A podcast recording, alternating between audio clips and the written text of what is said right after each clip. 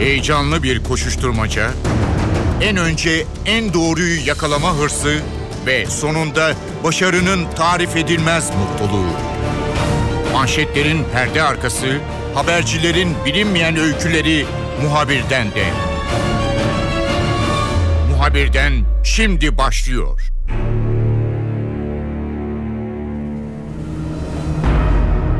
Muhabirden de bu hafta konumuz yine Irak olacak. Kaçırılan konsolosluk mensupları sonrasında Irak Türkiye'nin gündeminde önemli yer tutmaya başladı. Ayrıca bölgeden çok ciddi haberler de geliyor. İran bölünme aşamasında olduğu ciddi bir mezhep savaşına doğru gittiğine dair güçlü işaretler var. NTV muhabiri Can Ertun'a geçtiğimiz hafta içerisinde hafta boyunca Irak'taydı. Farklı kentlerden e, notlarını aktardı. Can İstanbul'a döndü ve notlarını bizimle paylaşacak. Muhabirden başlıyor. Ben Kemal Yurteri.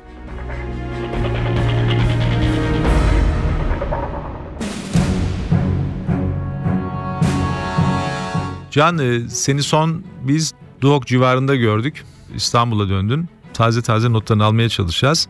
İlk gittiğinde tabii daha farklı bir tablo vardı. Biz birden Türkiye'nin gündemine giren bir konu oldu. Türk konsolosluğuna yaptıkları eylem sonrasında, e, kaçırma eylemi sonrasında. Ancak mesele biraz daha farklı boyut kazanarak şimdi hükümet yetkililerinin söylediğine göre bir mezhep çatışmasına dönme riski var. Bu konuyla ilgili e, analiz yapan insanlar da e, Irak'ta çok farklı bir tablonun artık belirmeye başladığını söylüyorlar. Dolayısıyla sıcak haberin ötesinde artık farklı bir Irak portresiyle de e, karşı karşıyayız. Senin e, notlarında biraz bu yeni durumu algılamaya çalışacağız. Öncelikle bir muhabirin notlarını e, bir önceki program sırasında aktarmıştın. Şimdi istersen biraz da bu yeni Irak, bu yapılanma ne ifade ediyor? Orada gözlemleri neler onları paylaşalım. İlk sorum da şu olacak. Çok sıcak notların Irak'tan daha yeni döndün. Nedir oradaki mevcut tablo? Irak tamamen işte bir Kürt bölgesi, Sünni, Şii buna doğru kesin bir şekilde gidiyor mu? Veya bunun ilk adımları mı atılıyor yani zamana mı yayılacak? Senin oradaki izlenimlerin neler? Irak'ın bölünebileceği, Irak'ın bölünme ihtimali çok farklı kesimler tarafından dile getiriliyor. Bu ortak paydada buluşuyorlar. Erşat Salihi ile Irak Türkmen Cephesi lideriyle görüşmüştük. Irak bölünmek üzere demişti. Keza e, Barzani'nin bu yönde bir uyarısı olmuştu. Kuzey Irak Bölgesel Kürt Yönetimi Başbakanı Neçirvan Barzani'nin uluslararası alanda e, Irak'ı uzun yıllardır çalışanlar böyle bir tehdidin hep var olduğunu ve ilk defa gerçekleşmek üzere olduğunu söylüyorlar. Açıkçası zaman geçtikçe Irak Şam İslam Devleti örgütünün yıldırım saldırısı tırnak içinde biraz soğudukça ortaya çıktı ki aslında bu bir IŞİD terör örgütü saldırısı kadar basit çözümlenebilecek bir olay değil. Irak'ta nüfus yapısına baktığımız zaman Irak'ta nüfusun çoğunluğunu Şiiler oluşturuyor. Yıllarca Baas yönetimi Şiilerin üzerinde hakimiyet kuran Sünni temelli bir iktidardı. Ardından 2003'teki Irak işgali geldi. Ardından Nuri El Maliki yönetimi geldi ki kendisi bir Şii ve e, Şiilere dair Şiilere doğru bir kayırmacılık yaptığı iddiaları özellikle Sünni kesimlerde hep rahatsızlık yaratıyordu. Türkiye'de çok tanınan bir isim var Tarık Haşimi örneğin. Sünni kanadın güçlü isimlerinden bir tanesi. E, kendisi ülkeyi terk etmek zorunda kaldı idama mahkum edildi. Irak'ta e, çeşitli intihar saldırılarını düzenlediği için. Yani bir mezhep gerilimi hep vardı, ola gelmişti. Biraz parçaları birleştirecek olursak Irak Şam İslam Devleti'nin sayıları binlerle ifade edilen kimine göre 5 bin kimine göre 7 bin silahlı militanla Irak ordusunu çökertmesi bu kadar kolay değildi. Bu anlaşıldı. Peki nasıl oldu bu durum? Özellikle Maliki yönetimine karşı uzun yıllardır tepkili olan Sünni aşiretler devreye girdi. Amerikan işgalinden sonra çökertildiği düşünülen ancak belki de yer altına çekilip orada hücreler şeklinde örgütlenen bazı unsurlarının yeniden dirildiğinden bahsediliyor. İzzet Evdüri e, Saddam Hüseyin'in önde gelen yardımcılarından bir tanesi. Onun ismi yeniden gündemde. Dolayısıyla aslında bir koalisyondan bahsediyoruz. Yani Maliki yönetimine Irak merkezi yönetimine karşı savaşan, belki en uçta Irak İslam Devleti örgütü militanları var. Onlar mobilize ediyorlar ama aldıkları yerlerde özellikle Sünni nüfusun yoğun olduğu yerlerde ciddi bir halk desteği de var. Sünni aşiretlerin desteği de var. Bazı unsurlarının desteği de var. İşte bu tabloda biraz senin sorunda yatan, senin sorunda saklı olan o yargıyı açıkçası herkesin kafasındaki soru işareti haline getirmiş durumda. Yani bu sadece bir terör örgütü operasyonu değil.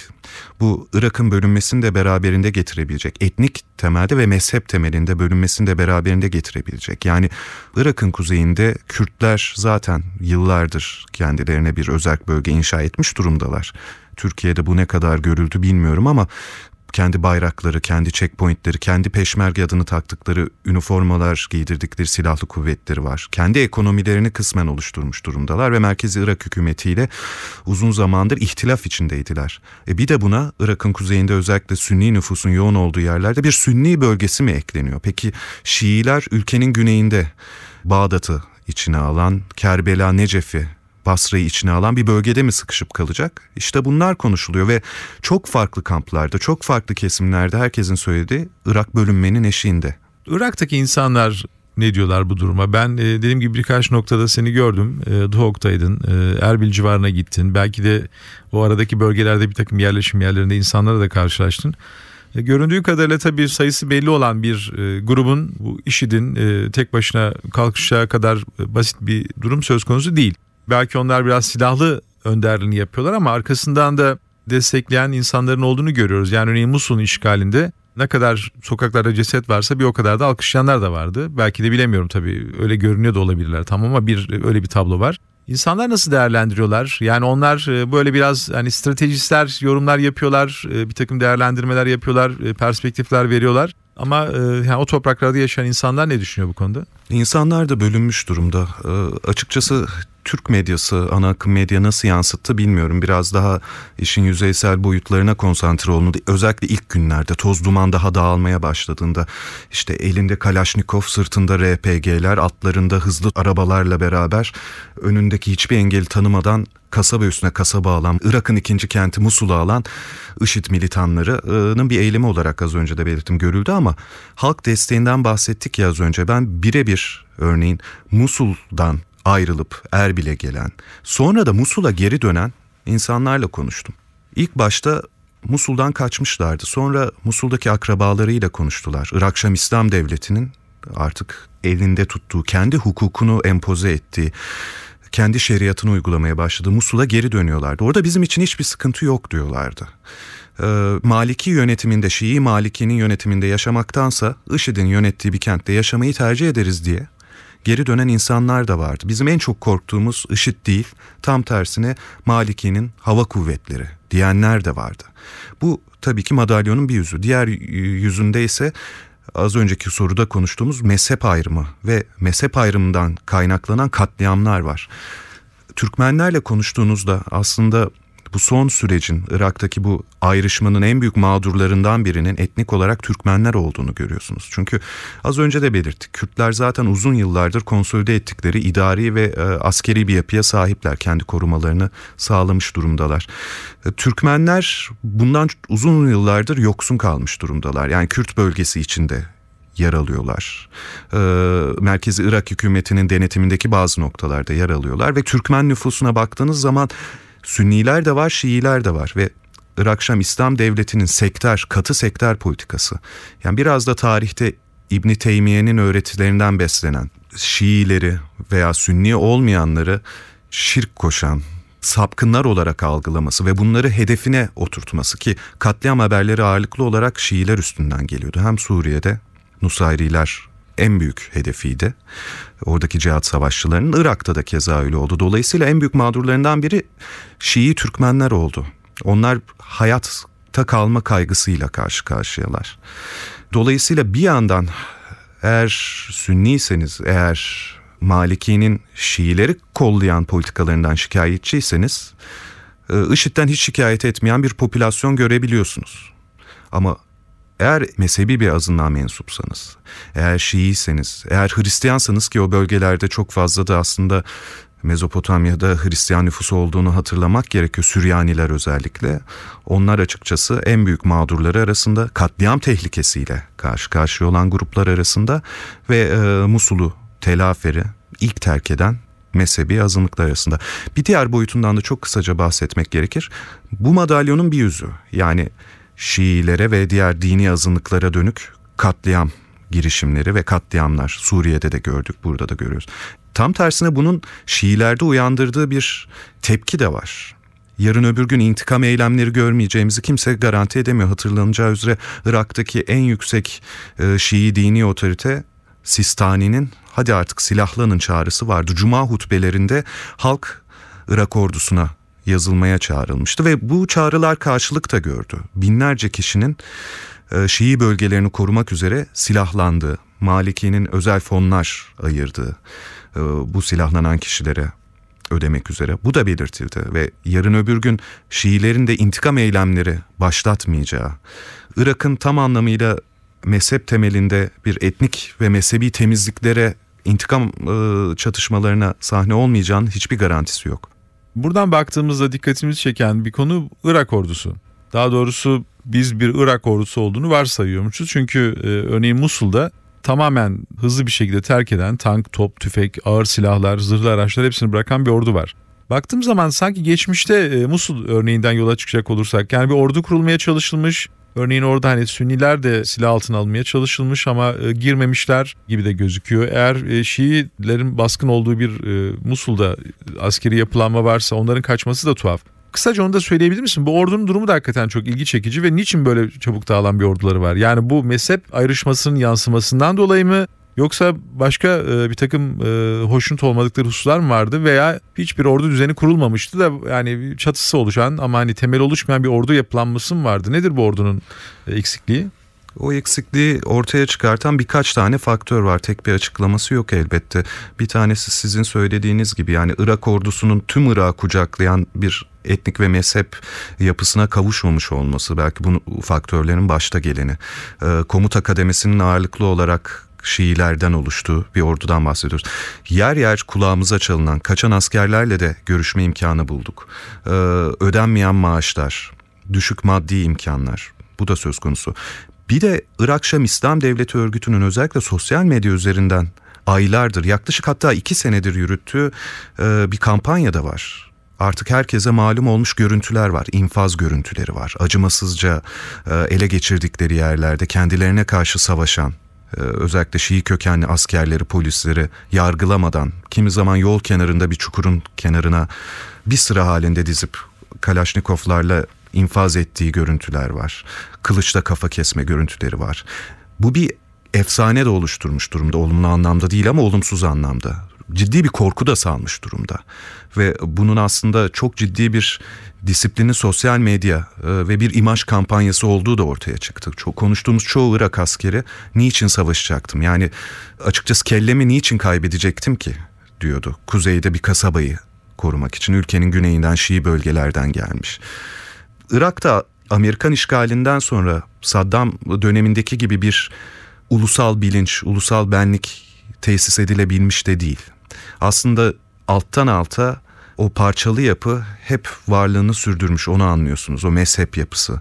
Hep karşı gruplar, düşman gruplar ola gelmiş. Yani Bağız dönemindeki o Irak ulusal bilinci Amerikan işgali ile beraber Bağız döneminde de ne kadar tesis edildiği konuşulur ancak Amerikan işgalinden 2003'ten sonra zaten parçalanmış bir Irak'tan bahsediyormuşuz. Biz biraz da onu gördük. Çoğu insan kendini Iraklılık üzerinden değil yerel aidiyetleri, mezhebi aidiyetleri üzerinden ifade ediyordu. E, böyle olunca da elbette bir ordunun disiplinli bir savaşma gücü olma e, yetisi de ortadan kalkıyor. Can sen de hatırlattın. IŞİD'in veya oradaki bu radikal unsurların ilginç propaganda e, yöntemleri var. çünkü bu görüntülerin bir bölümü için bazıları hakikaten çok büyük şiddet içeriyor bir bölümü de doğru olmadığını söyleyenler de var. Yani bir takım kurgulanmış görüntüler olduğunu söyleyenler de var. Hani onlar da kendilerine göre haklı bir takım noktalara dikkat çekiyorlar. Ben e, hem bu sosyal paylaşım sitelerine bakıyorum hem de hani bu bir propaganda görüntüsü diyenlere de bakıyorum. Anladığım kadarıyla medyayı çok etkin kullanma gibi bir eğilim içerisinde. Çünkü bazı yerlerde hatta laptopların kameralarını kullanmak için ellerinde laptop salladıklarını görüyoruz. Veya mutlaka bir cep telefonu var. Her infazda hem bir cep telefonu çekimi hem de etrafındaki insanlar da cep telefonuna çekiyorlar. Tabii oradaki insanların da böyle bir ilginç durumu var. Bu konuda bir değerlendirmen var mı? Yani IŞİD'in bu sosyal medyayı diyelim artık veya interneti e, çünkü kendi televizyonu şu an herhalde sahip değil belki bu gidişle kuracak. E, olmadığını anlıyoruz ama sosyal medyayı hem bir korku salmak, yenilmeyen savaşlar izlenimi yaratmak için hem de hakikaten e, karşı taraftakini yıldırmak için e, bir şekilde kullandığı anlaşılıyor. Senin bu konuda bir değerlendirmen olacak mı? Doğru. Irak'ta biz şeyi çok gördük. Yani en başta Erbil'de kalıyoruz ve Musul'a yaklaşmaya çalışıyoruz ve herkes bize parmağını boynuna götürerek sakın Musul'a gitmeyin. Kafanızı keserler işareti yapıyor. Dil bilmenize gerek yok. O işareti bilirsiniz. Kellenizi uçururlar işareti. Aslında IŞİD'in o sosyal medya aracılığıyla yaydığı imajın herkese, sokaktaki her insana nasıl yerleştiğini biliyorsunuz. Ve bu imaj iki açıdan IŞİD'in işine yarıyor. Bir tanesi karşısına büyük korku salıyor. E, diğer açıdan baktığınızda uluslararası düzlemde cihat savaşına katılmak isteyenler için de büyük bir teşvik, büyük bir çağrı anlamını taşıyor. Amerika Birleşik Devletleri'nden, Belçika'dan, Fransa'dan, İngiltere'den, Almanya'dan, Çeçenistan'dan, Bosna Hersek'ten, Yemen'den hatta ve hatta Türkiye'den çok sayıda kişiye çağrılar da yapılıyor. Ee, bütün dünyada küresel olarak örneğin biraz basit bir internet taramasıyla Suriye'de ve Irak'a savaşmaya giden Türk savaşçıların mesajlarını Türkçe bulabiliyorsunuz. Bunu her dilde bulabiliyorsunuz. Sadece infaz görüntüleri değil. Çeşitli marşlar üretiliyor, kahramanlık marşları üretiliyor, şehitlerin arkasından yaslar, ağıtlar tutuluyor. Yani bir bugünlerin popüler deyimiyle paralel medyasını yaratmış durumda ve bunu küresel ölçekte yaratmış durumda. İki şeyi görüyoruz. Bir, büyük korku salmış durumda. Kaçan Iraklı askerlerde bu korku vardı. Kaçan sivil halkta bu korku vardı. İnfazlardan büyük korkular vardı. Sadece Irak'ta da değil yıllardır Suriye'de izliyoruz zaten. İkincisi kendi e, savaşçı grubunun sayısını artırmak ve safları sıklaştırmak, konsolide etmek için de bu propagandif aletleri çok iyi kullanıyorlar.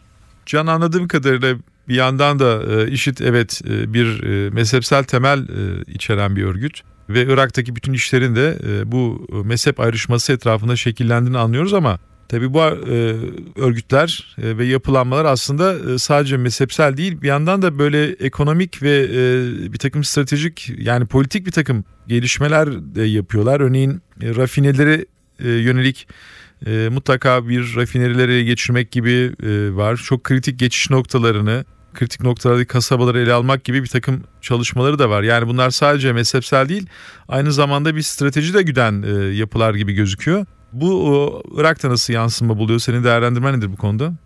Zaten örgütün adına bakınca Irak Şam İslam Devleti'nden bahsediyoruz ve örgütün şöyle bir vizyonu var. Yani doğuda Orta Doğu'nun uçları, e, batıda Kuzey Afrika'ya kadar uzanan çok büyük bir coğrafyada bir İslam devleti kurmayı, bir şeriat devleti kurmayı zaten hedefliyorlar. Ve aslında yapılarına bakınca senin de az önce söylediğin gibi sadece e, cihat için savaşan e, bir savaşçılar topluluğundan bahsetmiyoruz. Gittikleri yerde kendi hukuklarını da ve kendi ekonomilerini de yürürlüğe koyuyorlar. Kendi şer'i hukuklarını yürürlüğe koyuyorlar. E, doktrinlerini yayınlıyorlar. Sosyal dayanışma ağları kurmaktan tutun da e, kendi medeni hukuklarını tırnak içinde e, işler hale getiriyorlar ve bir de ekonomik boyutu var. Örneğin Rakka kenti Suriye'nin kuzeyinde çok uzun süredir IŞİD'in elinde ve Rakka ve o bölgede ciddi oranda petrol üretimi olduğunu biliyoruz. Rivayet o ki henüz kanıtlanabilmiş bir şey değil. Irak Şam İslam Devleti oradaki petrol ürünlerini e, ticari dolaşıma bile sokuyor. Hatta Suriye hükümetine petrol sattı söyleniyor. Şimdi Beyci kenti üzerinde büyük bir savaş var. IŞİD Beyci'yi aldı deniyor. Sonra Irak hükümeti hayır Beyci'nin e, kontrolü bizde diyor.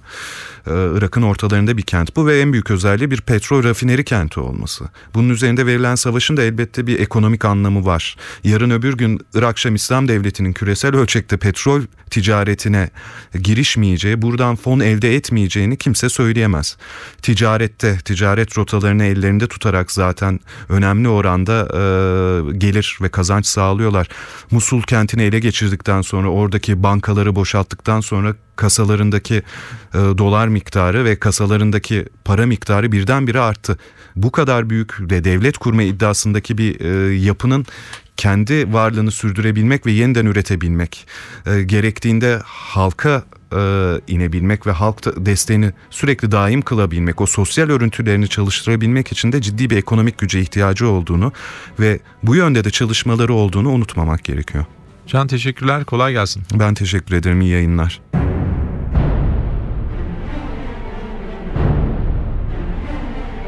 Muhabirden de bu hafta konumuz Irak'tı. Türkiye'nin gündeminde en önemli gündem maddesi olmaya Irak devam edecek gibi görünüyor. Ben Kemal Yurteri, Muhabirden de yeniden görüşmek üzere, hoşçakalın. Haber için değil de haberin hikayesi için şimdi onlara kulak verme zamanı. Muhabirden NTV Radyo'da.